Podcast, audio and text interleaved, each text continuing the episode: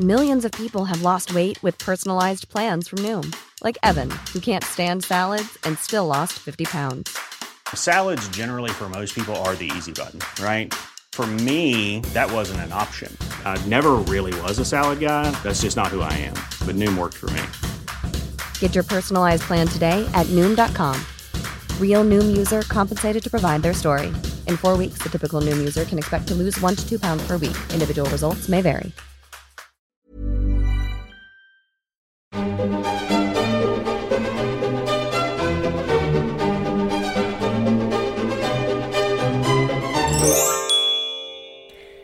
Hej och välkomna till Kungligt Med Jenny Alexandersson. och Sara Eriksson. Hur mår du Jenny? Var befinner du dig? Tack, bra. Jag befinner mig i Skåne. Ett helt underbart vackert, soligt och superhett eh, Skåne. Det är som att vara nere på Rivieran nästan. Eh, Så jag sitter här i ett mysigt hus med utsikt över, ja, jag ser havet lite grann. Gud en vacker trädgård och ja, men det är ljuvligt. Jag bara känner den doften av, ja men du vet, jasmin och blommor och rosor i trädgården liksom. Det är helt fantastiskt. Doften av en stundande semester kanske?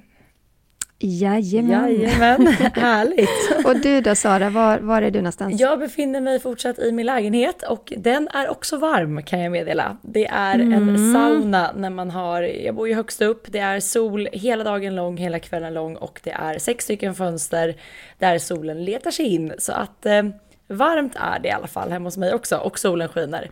Och blommorna de mår vidare bra så att det är bra här borta. Jag trodde du skulle säga blommorna dör. Ja men det är ett halvtidsjobb att hålla dem i liv nu för det blir så otroligt varmt här uppe. Så att Ja, eller eh, det ska vattnas och hållas på. Men det är härligt. Men jag tänkte också snart bege mig till Nora, eh, fortsätta jobba men ändå få ett litet miljöombyte. Så det blir härligt.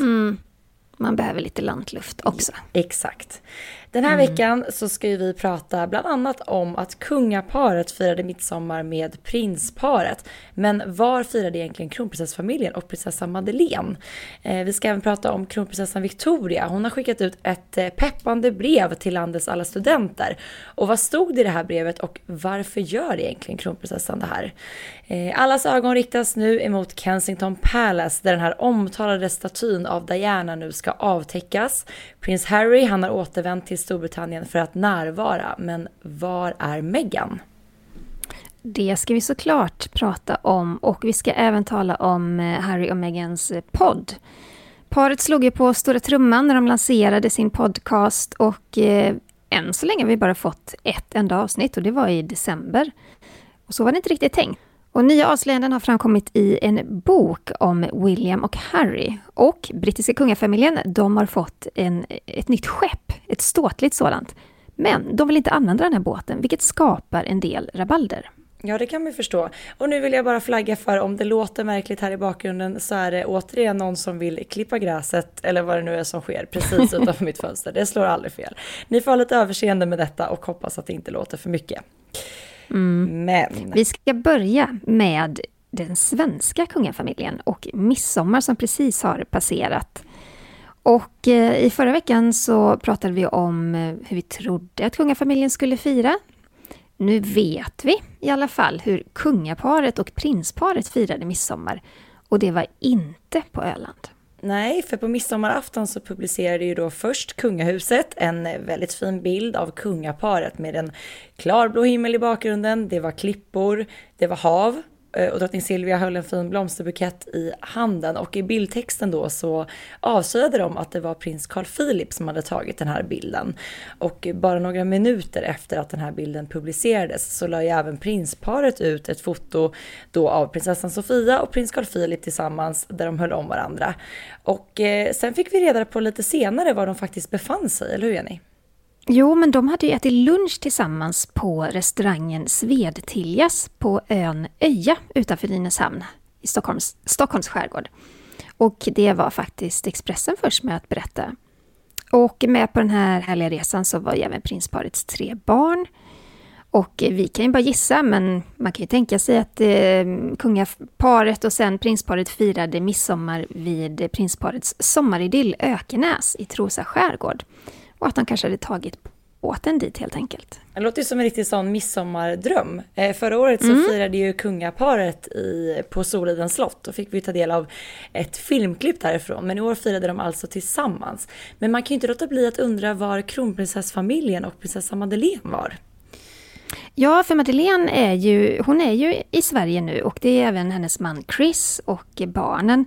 Och eh, hovet hade bekräftat för Svensk Damtidning att eh, Chris födelsedag hade då firats här i Sverige då såklart. Mm. Eh, kanske det var de på Öland?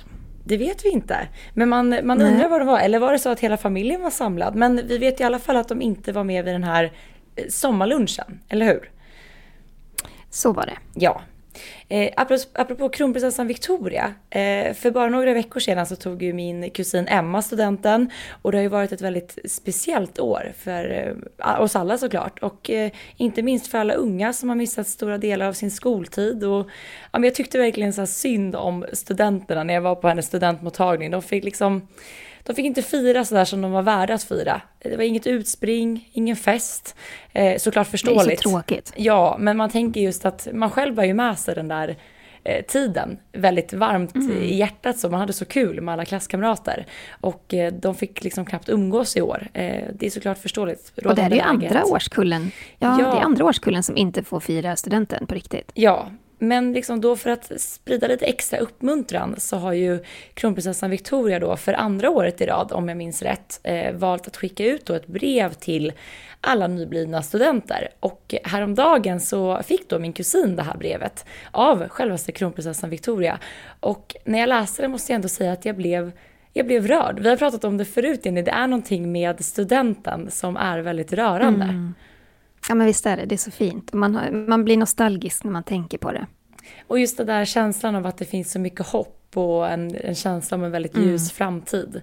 Eh, men, jag tänker men vad stod det i brevet? Ja, men jag tänker nu när jag ändå har fått läsa det själv så måste jag ju läsa några, några delar ur brevet i alla fall. Eh, för det tänker jag att ni alla, liksom vi, är intresserade av. Eh, bland annat stod det så här. Eh, och hela kungafamiljens vägnar vill jag varmt gratulera dig eh, till att du nu har tagit studenten. Jag skriver till dig i vad som är årets vackraste tid. En tid av spirande hopp och glädje, även om tillvaron dessvärre fortfarande präglas av pandemi. En stor del av, min, av din gymnasietid har inte blivit som du, din familj och dina vänner kanske såg framför er. Du och dina skolkamrater har fått anpassa er till omständigheterna, både i skolan och på fritiden. Och sen stod det lite andra saker, men så stod det även så här. Sjung om studentens lyckliga dag, låt om oss fröjdas i ungdomens vår. Så lyder studentsången som tonsattes av min farfars farfars farbror, prins Gustav, och som i mer än 150 år sjungits av ungdomar på väg ut i vuxenlivet. Jag hoppas att du kan ta fasta på de raderna och se ljus på det som ligger framför dig. Med detta vill jag önska dig all lycka och välgång i den ljusande framtid som är din. Och sen var det då signerat kronprinsessan. Ja, vad fint. Mm. Alltså verkligen. Verkligen jättefint. Så då fick då alla elever som tagit studenten i år, de fick då det här brevet tillsammans med sina slutbetyg som skickas hem då med posten.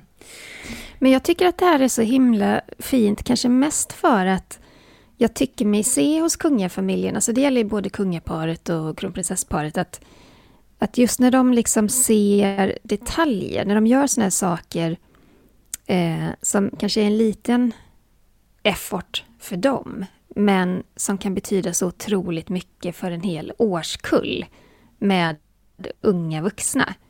Eh, det, blir, eh, det blir väldigt fint. Det är ju liksom just de här, den här samlande kraften som vi pratat så himla mycket om.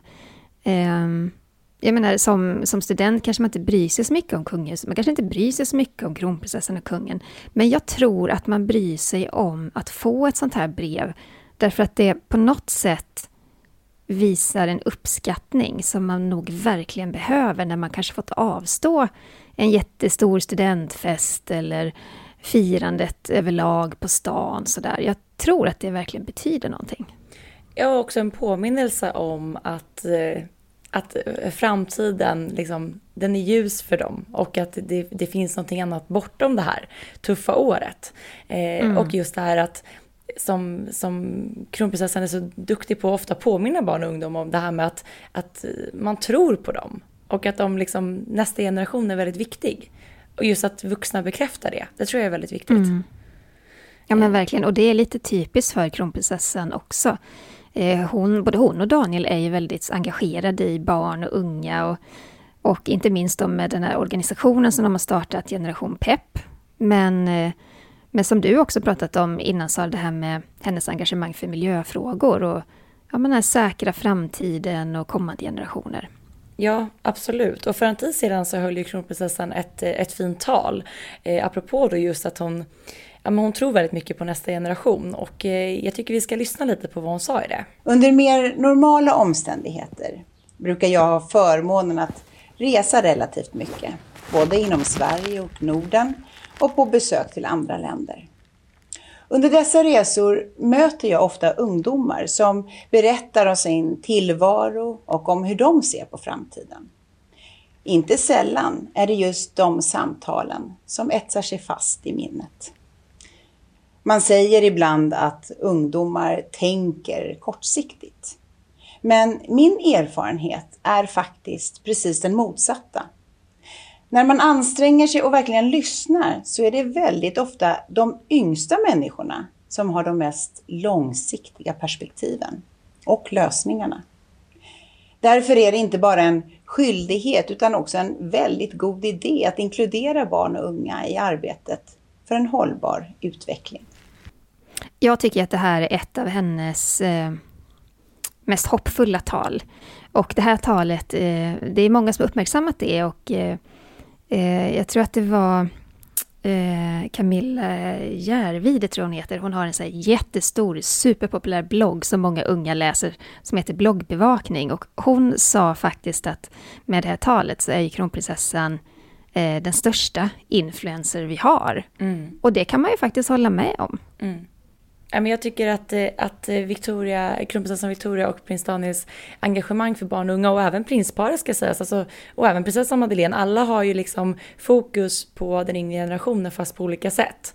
Och mm. eh, vill man nå ut och eh, vill man stötta så är det jättebra att de använder sitt kungliga strålkastarljus just till detta såklart. Vi ska stanna kvar hos kronprinsessan ett tag för att alldeles nyligen så kom det en nyhet om att Eh, eh, kronprinsessparet Victoria och Daniel de håller på att bygga ett fritidshus ute på Värmdö i Stockholms skärgård. Och det är Nacka Värmdö-Posten som avslöjade det här. Och eh, Svensk Damtidning de har nu lite mer detaljer kring bygget. Och det visar sig att det just nu står fyra byggnader på den här fastigheten. De ska rivas och istället så bygger man nya hus. Och det kommer vara en ny huvudbyggnad och tre kompletterande byggnader.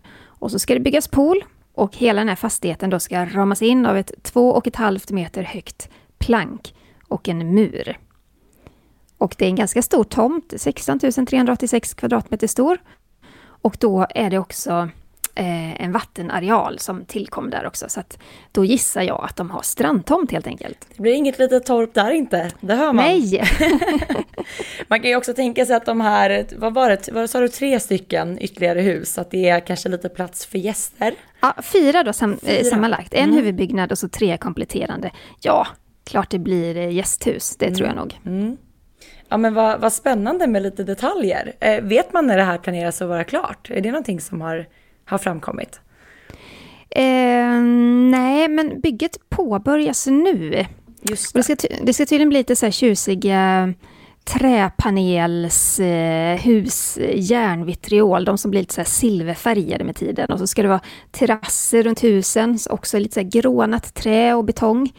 Eh, och så ska de då, ja, det, det hör till en brygga som kronprinsessparet kommer behålla. Eh, och en sjöbod. Det vet man hur det är med de där husen nära vattnet. De vågar man ja. inte röra för då kanske man inte får ställa dit något nytt. Nej men eller hur? Nej. Eller hur? Eller hur? Ja men det här blir såklart spännande att följa. Eh, men i beskrivningen där om hur det kommer se ut, det, det känns lite så typiskt kronprinsessparet att ändå bygga någonting som är, vad ska man säga, inte så vad, vad letar jag efter ord? Det är inte som Monaco, it. Nej, utan nej, mer, nej, precis. utan lite mer, vad säger man, neutralt. In, lite, inte så glamoröst, men precis. kanske lite nedtonat eh, lyxigt. Så. Nedtonat, det var det ordet jag, jag ja. lekte och då, eller letade efter och då förstod du när jag sa inte som Monaco-ikt. Jajamän. Vi ska lämna Sverige och istället rikta våra blickar emot Storbritannien. För den första juli så skulle ju Diana ha fyllt 60 år. Men som ni många vet så förolyckades hon och omkom i en olycka den 31 augusti 1997 i Paris och lämnade där och då ett stort tomrum efter sig, inte minst för sönerna prins William och prins Harry. Ja, och i januari 2017 så gick hennes eh, pojkar, William och Harry, ut med att de ville att en staty skulle resas för att, eh, ja, som minne och för att hedra deras mamma. Och i ett uttalande så sa de så här. Vår mamma berörde så mångas liv och vi hoppas att statyn ska få alla som besöker Kensington Palace att minnas henne och reflektera över hennes liv och det arv hon lämnat efter sig. Mm. Och den här statyn den ska nu få sin plats vid den så kallade Sunken Garden vid Kensington Palace. Och det sägs då vara Dianas favoritplats i den här kungliga trädgården. Och i samband med Dianas eh, 60-årsdag, den 1 juli, så ska statyn eh, avtäckas. Och vi spelar ju in det här avsnittet tisdagen den 29 juni, så det är alltså två dagar innan den här avteckningen sker. Mm. Men nu när vi spelar in så vet vi i alla fall att Harry har återvänt till Storbritannien för att då delta vid den här avteckningen av statyn. Och Harry anlände till Storbritannien redan i fredags och ska enligt källor då bo i sitt hus, Frogmore Cottage. Där eh, han och Meghan fick ju det huset av drottning Elizabeth i samband med eh, deras bröllop. Och just nu, eh, sedan Harry och Meghan då flyttade till USA, så är det Harrys kusin, prinsessan Eugenie och hennes man Jack Brooksbank som bor där med deras son August som föddes i februari. Så då antar jag att Harry då hälsar på och flyttar in hos kusinen några dagar. Ja, det är inte så att han får knö in sig hos sin kusin, utan det här, Frogmore Cottage har ju, ja, jag vet inte hur många rum det var, 40? Jag 60? tror vi pratat ja. om, var det så 15 badrum eller något sånt där? Ja, alltså det, det var något sånt där. Plats finns. Det finns rum. Det finns mm. rum och eh, med tanke på att anledningen till att Harry anländer redan i fredags, det ska ju vara då att han måste då självisolera sig i fyra dagar för att sedan ta ett negativt eh, covid-test innan han kan närvara vid den här avteckningen. Och som sagt, att självisolera sig på Frogmore Cottage är inte svårt. Det kan vi konstatera. Det är nog ganska trevligt mm. också. Mm. Ja. Men eh, vi ska prata om Meghan, för hon har ju då valt att stanna kvar i USA med sonen Archie och lilla nyfödda dottern Lilibet. Och eh, senast Harry besökte Storbritannien, det var ju i april då hans farfar prins Philip begravdes. Mm. Och eh, ja, vi, vi, ska prata mer om det här med, med, med Meghan lite längre fram, men vi ska bara nämna det liksom att när det gäller den här statyn så har ju både Harry William och även Dianas systrar varit med i arbetet att ta fram statyn. Och det är skulptören Ian Rank Broadley som har skapat statyn och det var även han som tog fram den här siluetten av drottning Elizabeth som nu pryder de brittiska mynten sedan 1998. Ja, och apropå mynt, om man får flika in ytterligare en liten, en liten sväng om med det här. Så nu drygt tre månader då efter prins Philips död så hyllas han med ett eget mynt. Eh, ett fempundsmynt som kommer att finnas i en begränsad upplaga. Och jag antar att det ses som någon form av samlarobjekt då. Och det är alltså samma konstnär som skapat Dianas staty och även den här siluetten av drottning Elizabeth som nu även tagit fram det här myntet för att hylla prins Philip. Mm. Men okej då, eh, vi måste prata om Meghan och här kan vi väl ändå köra vår vignett. Veckans Harry och Meghan.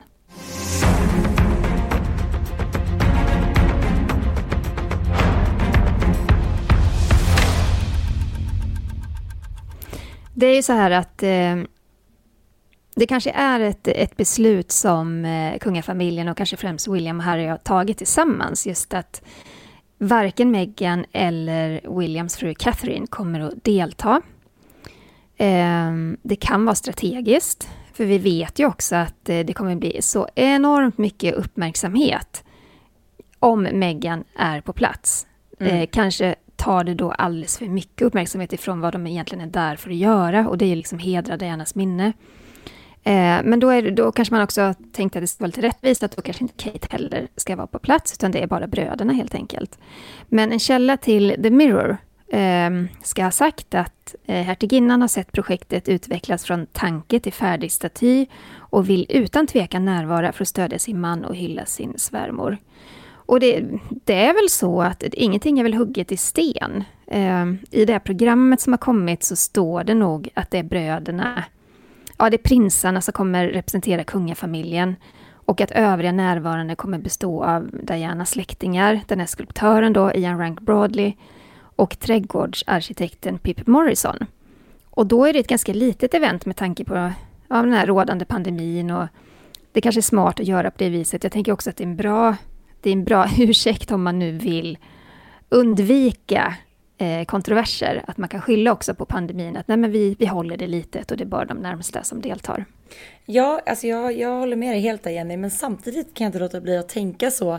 Hade det inte varit lite ett smart drag också av den brittiska kungafamiljen att låta fler delta? Jag tänker eh, exempelvis drottning Elizabeth eller prins Charles ifall att de hade närvarat just för att kanske försöka visa lite mer värme och empati. För det är ju det som brittiska kungafamiljen allt som oftast ändå anklagas för att inte vara så bra på. Nej, men jag håller helt med dig. Jag tror att det här hade varit ett ypperligt tillfälle att göra det. Eh, samtidigt så kanske diskussionen har också gått sånt att i och med att Diana inte var en del av kungahuset längre eh, så kanske man markerar på det viset att eh, drottningen inte är där, hennes exmake är inte där. Jag kan tänka att så, här, så många år senare, efter skilsmässa och hennes tragiska död, jag hade nog sett som en fin gest ifall prins Charles var där, men ska då han vara där själv eller med sin nya hustru Camilla? Nej, det vad de än. Nej, nej men det blir inte bra. Och vad de än väljer så skulle det också bli diskussioner som tar bort fokus på varför de är där. Um, så det kanske ändå är det smartaste att det är just bara William och Harry, alltså Dianas söner, som är på plats. Jag tänker så, drottning Elizabeth kunde ju, det hade varit ett bra drag från hennes sida och också då kanske visa sitt, sitt stöd eh, till eh, Harry William som säkerligen oh ja. behöver lite extra kärlek i denna tid. Eh, på grund av väldigt många anledningar. Eh, inte bara Diana utan också den rådande familjesituationen tänker jag. Jo men verkligen. Men jag, kanske får man se Charles och, eh, och drottningen i samband med det här på något vis, men kanske inte just vid avteckningen av statyn. Man Vi får se. Tänka, det kommer säkert bli så att den avtäcks nu då i samband med födelsedagen eh, den första juli och sen kommer ju säkert eh, det visas på något annat sätt. Vi kanske ser bilder när drottningen och Charles besöker den några dagar senare mm. eller något liknande. Mm. Så kan det nog absolut bli. Men, jag tror i och för sig inte det. Du tror inte det? nej, inte. Jag tror att vi kanske får se bilder på eh, kanske William och Harry eh, med, med, sin farmor och pappa. Jag tror inte vi kommer se drottningen och prins Charles vid Dianas staty. Alltså jag tror att det blir för symboliskt just ja, det här kanske. att hon är inte en del av kungahuset. Hon är fortfarande alltså han är ex-man till henne. Ja, och deras jag tror det blir historia känner vi ju till. Den var ju inte helt spikrak om vi säger så. Nej, den var ju inte det. Mm. Um, ja, ja, det blir spännande att se. Vi, den vi följer det. Se. Vi följer det mm. givetvis. Um, men britterna? Ja, precis. Ja, de... de är såklart jätteoroliga över att den här sprickan mellan bröderna kommer ta över hela det här momentet, den här stunden eh, när statyn avtäcks.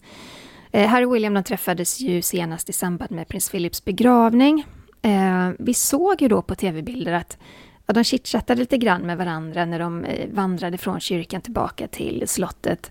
Eh, men så mycket mer vet vi inte kring det. Vi vet ju att eh, Harry och prins Charles hade ett samtal för de hade blivit eh, observerade när de eh, gick en promenad utanför ägorna. Men sen återvände Harry jättesnabbt till USA. Han stannade inte ens till sin eh, farmors födelsedag några dagar senare.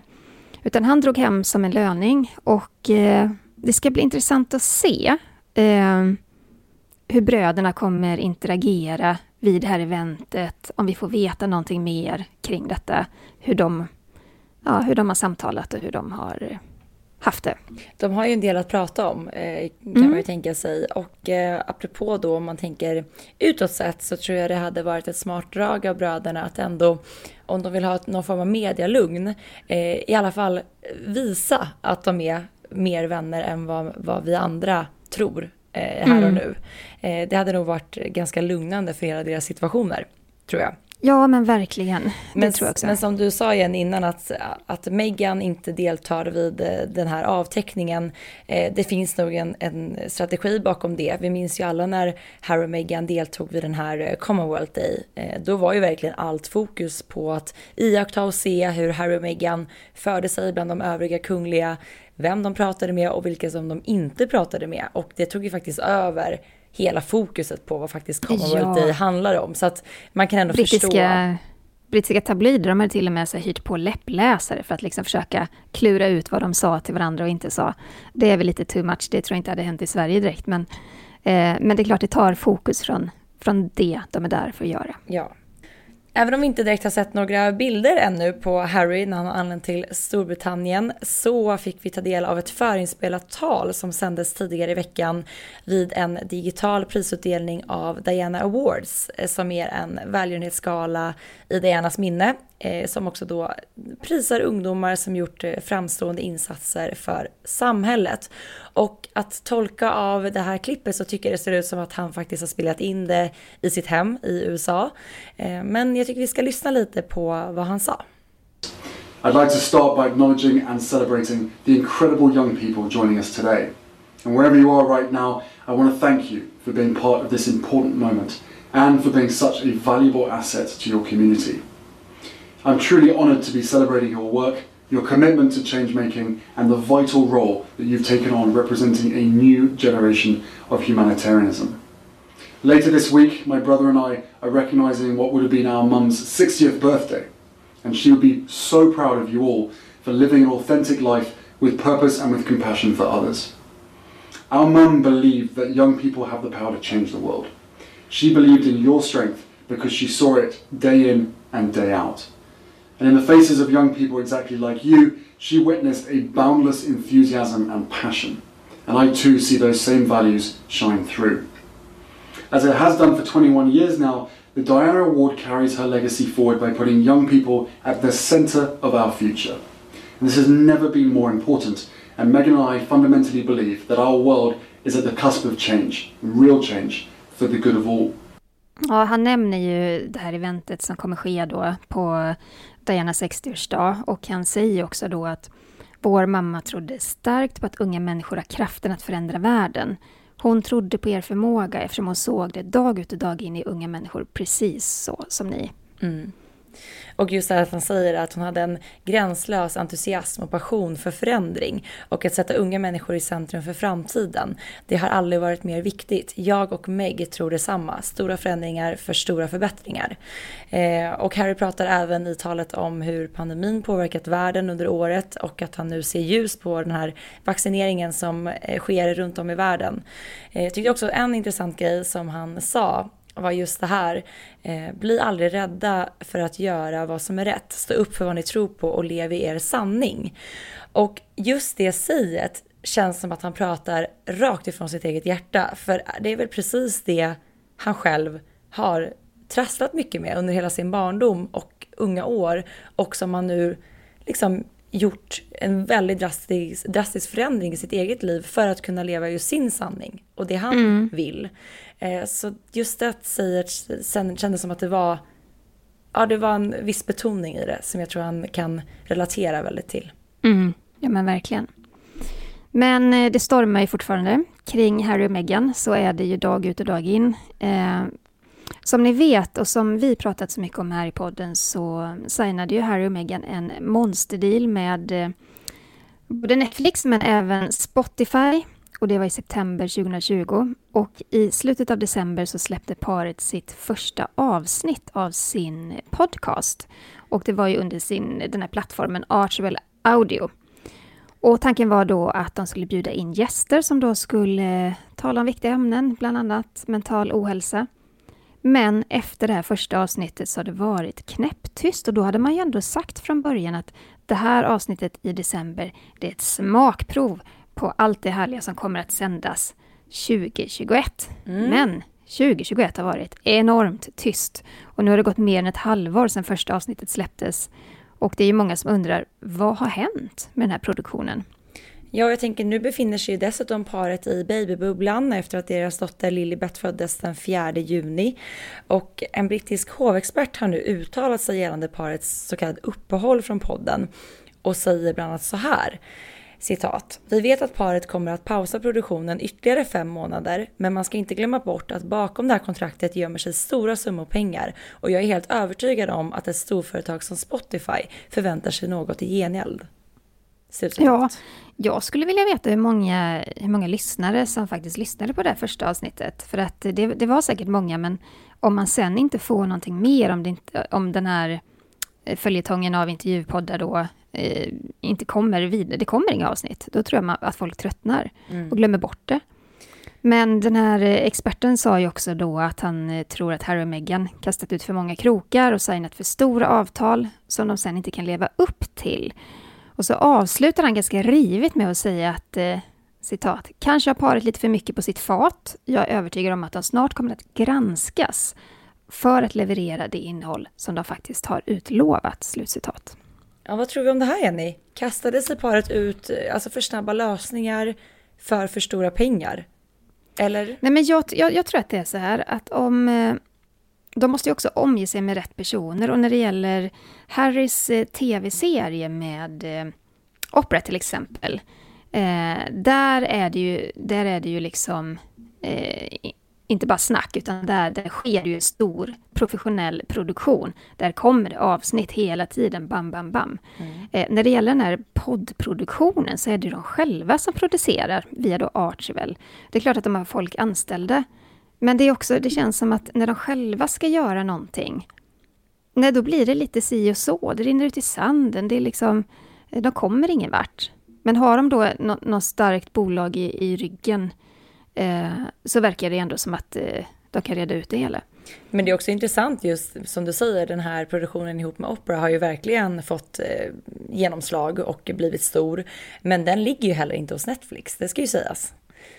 Nej, det är väl hos Apple Plus, ja, eller där. Apple TV Plus. Ja. Så att det är egentligen då, kan man tänka sig, en konkurrent till deras egna eh, partner, kan man väl ja. Så det är lite snurrigt, det är det ju. Ja, men det är lite snurrigt och jag, jag skulle gärna vilja granska de här kontrakten och, och se liksom vad, vilka krav ställs på Harry och Meghan, vad ska den leva upp till, vad får de i gengäld?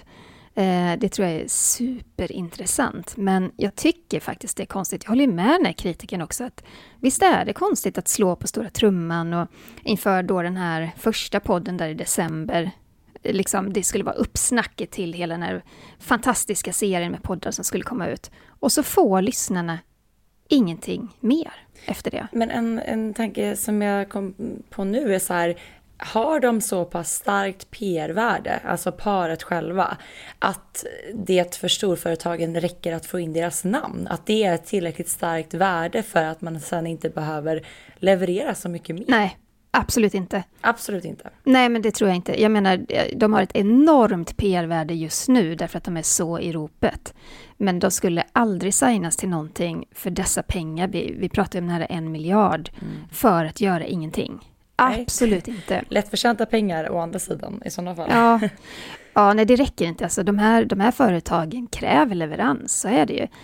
Alltså, de kräver professionalitet, de kräver leverans och eh, visst, jag kan absolut tänka mig att Spotify säger okej, okay, ni har fått ett barn, det är klart att ni behöver tid tillsammans med, med er lilla familj. Vi ger er fem månader. Men det kommer inte sluta där. Alltså, det är klart att betala Spotify 700 miljoner för en poddserie, då ska den levereras också. Det kan man tycka. Vi kommer ju mm. såklart att följa detta som ni förstår. Eh, vi måste prata om den här boken Jenny. Vi pratade lite om den förra veckan. Eh, nyligen släpptes ju en ny bok om prins William och Harry då som heter Battle of Brothers. Bara titeln i sig säger ju ganska mycket. Och eh, vi var ju många, det trodde vi också Jenny, att det här skulle bli någon form av repris på den här boken Finding Freedom som släpptes i augusti förra året. Där trodde ju vi att vi skulle få reda på, vad ska man säga, mer eh, faktamässig information kanske? Eller mm. hur ska man beskriva det? Ja, men mer, mer liksom belagda fakta mm. kring vad som hände. Mm. Precis. Eh, men den här nya boken då, eh, skriven av Robert Lace är eh, baserad på liksom starka och nära källor till hovet. Och nu har det kommit lite nya avslöjanden ifrån den här boken. Det är nämligen så att författaren har, och har berättat att nära vänner till Meghan ska ha beskrivit henne och här tyckte jag var svårt att översätta Jenny. Eh, kan du hjälpa mig? Ja, alltså på, på engelska så, så, har, så har vännerna beskrivit Meghan som a combination of self-promotion and self-pity that characterizes Meghan. Alltså en kombination av PR kring sig själv och self-pity, det är lite att man så här, tycker synd om eller spelar på att tycka synd om mm. eh, personen. Och eh, författaren berättar även då att han baserat eh, det, att de här källorna då Eh, Eh, säger att de tror inte att bröderna kommer att försonas. Så att mycket beror på att det är paret, alltså Meghan och Harry, de har ett så oändligt PR-surr omkring sig hela tiden och att det gör det så svårt att få till en försoning som, som ju alla ändå hoppas på. Mm. Alltså när, var och hur ska detta sluta? Tror vi ens att Harry och Meghan, att de kanske får tid nu till att försonas när de ses i samband med den här avteckningen av Dianas staty? Eller är det här någonting som liksom kommer fortgå? Ska det vara så här? Ska de, ska de leva helt separata liv utan kontakt? Nej men alltså jag är en sån här blandning av både cynism och humanism. Jag, alltså jag vill ju tro att de, de ska försonas. Det är klart, Dianas söner ska ha varandra och stötta varandra och jag tror verkligen på jag tror på att människor kan förändras. Jag tror på att människor kan eh, hitta tillbaka. Mm. Eh, och de här bröderna har haft ett så otroligt starkt band i hela sitt liv, ända sedan deras mamma dog. Jag vill tro det. Men det har också hänt så otroligt mycket tragiska saker och hemska saker och elaka saker mellan bröderna. Och eh, jag tror att det kommer ta tid. Jag tror att det kommer ta enormt mycket tid. Även om vi ser två bröder som ler mot varandra och snickesnackar vid Dianas staty den första juli så ligger det så otroligt mycket infekterade konflikter bakom och det gäller inte bara William och Harry, det gäller ju liksom hela kungafamiljen och Harrys eh, attacker mot sin pappa och attacker liksom mot sin farmor och farfar. Så att det här kommer ju ta tid att läka. Mm. Vad tänker du Sara? Nej, men jag håller med dig. Det är ju också, tänk bara hur mycket det som har skett som inte vi har fått tagit del av. Eh, men jag tror att det räcker, det vi har fått tagit del av, för att förstå att det är otroligt infekterat. Och bara det, jag tror det var förra veckans avsnitt, eller om det var två avsnitt sen, där vi pratade just om det att Kate fick frågan ifall att de hade träffat Harrys nyfödda dotter Lilibet via Facetime och då hade det ändå gått en veckas tid sedan födseln och de hade fortfarande inte, inte ens sett henne via liksom, digitala verktyg. Och det, mm. det tycker jag säger ganska mycket. Jag menar, när min bror har fått barn, det är liksom man, de hinner ju knappt komma hem innan man har, har sett underverket. Och det säger vi ganska mycket om deras relation. Jag tror inte de har särskilt mycket kontakt. Och ja, hela den här Oprah-intervjun där, där Harry och Meghan inte har varit särskilt oblyga med att eh, säga ganska elaka och eh, ja, men, hårda anklagelser gentemot hela kungafamiljen. Mm. Eh, så att det är klart att det är, det är mycket som behöver pratas igenom och det krävs nog väldigt mycket förståelse och förlåtelse om det här ska kunna läka. Men precis som du Jenny så man hoppas ju att de här bröderna som ändå har stått vid varandras sida genom en så tuff barndom, att förlora sin mamma så unga som de var och allt de har gått igenom, att de liksom ska hitta tillbaka till varandra. För det är klart att de har betytt oerhört mycket för varandra genom hela livet. Ja, vi får hålla tummarna för det. Eh, och hoppas att eh, Dianas ande svävar över barnen. Ja, att de hittar, till, hittar, tillbaka. Men det kan man faktiskt säga att eh, det kanske gör redan lite nu, för tidigare i veckan så delade musikduon Lighthouse Family ett klipp på Twitter när de genomförde en hyllningskonsert för Diana vid hennes barndomshem på Althorp. Det var ett år efter hennes död, det var 1998. Och då skrev de så här. Idag för 23 år sedan spelade vi på Diana Princess of Wales Tribute Concert. Och eh, Dianas bror Charles eh, Spencer, han kommenterade inlägget och tackade han skrev så här. Tack. Jag kan inte förstå att det har gått 23 år redan. Ja, men I samband just med så här årsdagar och födelsedagar så är det klart att liksom sår hos familjen rivs ju upp igen ytterligare. Eh, och det är då jag tycker det blir extra påtagligt just att den här sprickan finns mellan bröderna.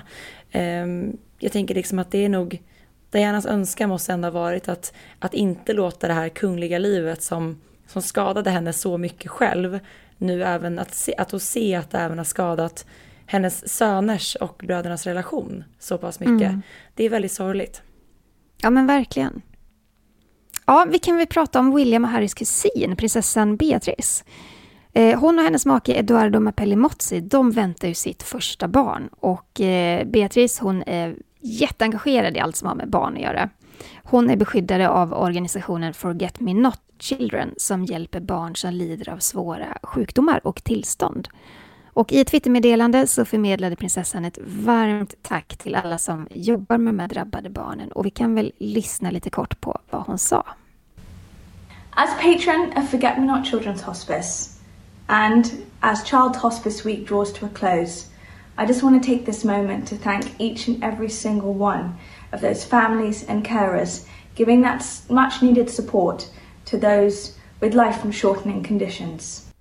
Mm, Beatrice och Eduardo väntar ju som sagt sitt första barn och eh, snart är det också, till hösten är det beräknat ska sägas, alltså, och snart är det också ett år sedan som de sa ja till varandra vid Royal Chapel eh, i Royal Lodge i Windsor. Så de firar ju sitt jubileum den 17 juli. Och det här kommer jag ihåg Jenny, det var ju liksom mitt i semestern förra sommaren. Eh, det var ju lite av ett hemligt bröllop, det var ingen som visste om att det här skulle genomföras. Så man låg där på, på playan och helt plötsligt dök det upp liksom bröllopsbilder ifrån Storbritannien. Ja. det var, det var ju jätte, det var jättefint och det var väl drottning Elizabeth och prins, Charles, eller prins Philip var med. Ja. Eh, däremot såg man inga bilder på Beatrice pappa, prins Andrew, så kallade skandalprinsen. Han efter alla, lite i ja, efter alla konflikter. Det var ju här med hans vänskap med Jeffrey Epstein. Epstein är dömd, han är död, han tog sitt liv, eller han, han förlorade sitt liv i fängelse. Um, han var ju anklagad för pedofili och sexövergrepp och det ena med det andra. Andrew Hollis är ju fortsatt i bakgrunden i alla kungliga sammanhang eh, och det var ju väldigt mm. länge sedan. Vi såg honom ju i, såklart i samband med prins Philips begravning. Men i övrigt så ser vi inte mycket av honom. Han är ju fortsatt utstängd ifrån den kungliga värmen. Eh, ja, han är ingen arbetande kunglighet. Nej. längre. Men de som är arbetande kungligheter, eh, det är ett skepp nu Jenny. Vi var inne på det här i introt när vi pratade. Vad är det som händer med denna, denna båt? Man kanske inte kan kalla det båt. Nej, jag skulle säga att det är ett tjusigt, gigantiskt skepp mm -hmm. eh, som skapar kontroverser i kungahuset och brittiska regeringen just nu. Ehm, det är så här att premiärminister Boris Johnson, han är djupt engagerad i ett framtida kungaskepp som är under produktion. Och tanken från början var att det skeppet skulle användas av kungafamiljen, både vid officiella tillfällen och som privat semesterskepp, men då även användas av regeringen och Försvarsmakten och så vidare. Och den här ståtliga båten, den skulle ge Storbritannien lite mer glans när det ligger för ankar vid olika hamnar, både inrikes och utomlands. Men, och här kommer liksom knorren, prins Charles och prins William, de sägs vara totalt emot den här idén. Alltså det här skeppet beräknas kosta runt 200 miljoner pund, alltså det är ju ja, det är över 2 miljarder svenska kronor. Och det är en enorm summa. Jag menar efter Brexit, efter coronapandemin, Oj, ja. då är ju Storbritanniens ekonomi precis lika pressad som många andra länders ekonomier i, i världen. Och att då lägga miljarder på ett pråligt skepp, det ju, faller inte riktigt i god jord hos britterna eller Men, hos alltså, kungafamiljen. Alltså, väldigt konstigt beslut. Jag menar, det är väl bara att blicka tillbaka i historien och se vad som har hänt de gångerna kungligheter lever ett flådigt liv när folket har det dåligt. Alltså, det har ju hänt förr och det har ju inte landat gott någonsin. Nej, alltså jag tror beslutet togs långt innan corona, men det, men det är ändå så här man kanske ska bordlägga det beslutet då. Man kanske ska tänka om, man kanske ska... Um, det är ja. inte så att kungafamiljen inte har något skepp sedan tidigare, så att eh, det är nog ingen fara med det. Nej, de hade ju det här kungaskeppet Britannia. Just det. Eh, otroligt tjusigt. Det har även legat vid Skeppsholmen i Stockholm under besök. Och det använde kungafamiljen både i jobbet och privat, men man slutade använda just det skeppet 1997. Men jag menar, som du säger Sara, det finns båtar som kungafamiljen kan använda. Men den här kostnaden då, den har ju skapat en enorm konflikt mellan regeringen, försvarsdepartementet och handelsdepartementet. Och eh, kritiker hävdar att ja, men det här svindyra skeppet, det handlar bara om populism. Det är totalt slöseri med pengar och tid. Men Boris Johnson, han fortsätter då att driva på experter menar att det skeppet kommer inbringa väldigt mycket pengar genom sin blotta existens, mm -hmm. genom all den PR som båten då kommer ge Storbritannien. Låt mig få tveka, säger jag. Han är sugen på ett nytt skepp, Boris Johnson. ja. kanske för att han själv ska eventuellt få åka med på det här skeppet. Kan det ja, vara det? men eh, jag tänker också det, att det kanske är lite flådig lyx där. Alltså, var det inte så att Boris Johnson också hade renoverat den här kända våningen på Downing Street eh, 10, eh, där premiärministrarna bor. Han hade väl typ renoverat den för jag vet inte hur många miljoner. Alltså det kanske är det flådiga som tilltalar honom lite grann. Ja, det är tydligt det. Ja, det kanske inte blir något kungaskepp denna sommar, men eh, någon form av liten båttripp kan man ju hoppas nu när vädret är så himla fint. Men det får nog bli lite mer eka för min del. ja, jag får väl ta färjan över till Helsingborg eller någonting här från Skåne. så får lite båtflärd. Ja. ja, men tack snälla för att ni har lyssnat. Ni får jättegärna skicka in fler eh, lyssnarfrågor. Mejla till kungligt aftonbladet.se så ska vi samla ihop dem till ett eh, stort program med bara frågor. Och följ oss på sociala medier. Sara, var finns du? Royalistan.se och var hittar man dig, Jenny? Främst på Instagram, där heter jag Kungligt med Jenny. Tack snälla för att ni har lyssnat och ha en härlig sommar. Ja, tack för att ni har lyssnat och njut av det här underbara vädret så hörs vi snart igen. Det gör vi. Hej då! Hej hej!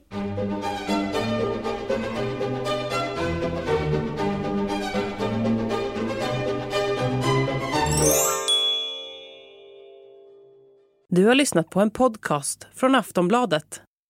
Ansvarig utgivare är Lena K Samuelsson. Ready to pop the question? The jewelers at BlueNile.com have got sparkle down to a science with beautiful lab-grown diamonds worthy of your most brilliant moments. Their lab-grown diamonds are independently graded and guaranteed identical to natural diamonds, and they're ready to ship to your door. Go to Bluenile.com and use promo code LISTEN to get $50 off your purchase of $500 or more. That's code LISTEN at Bluenile.com for $50 off. Bluenile.com code LISTEN.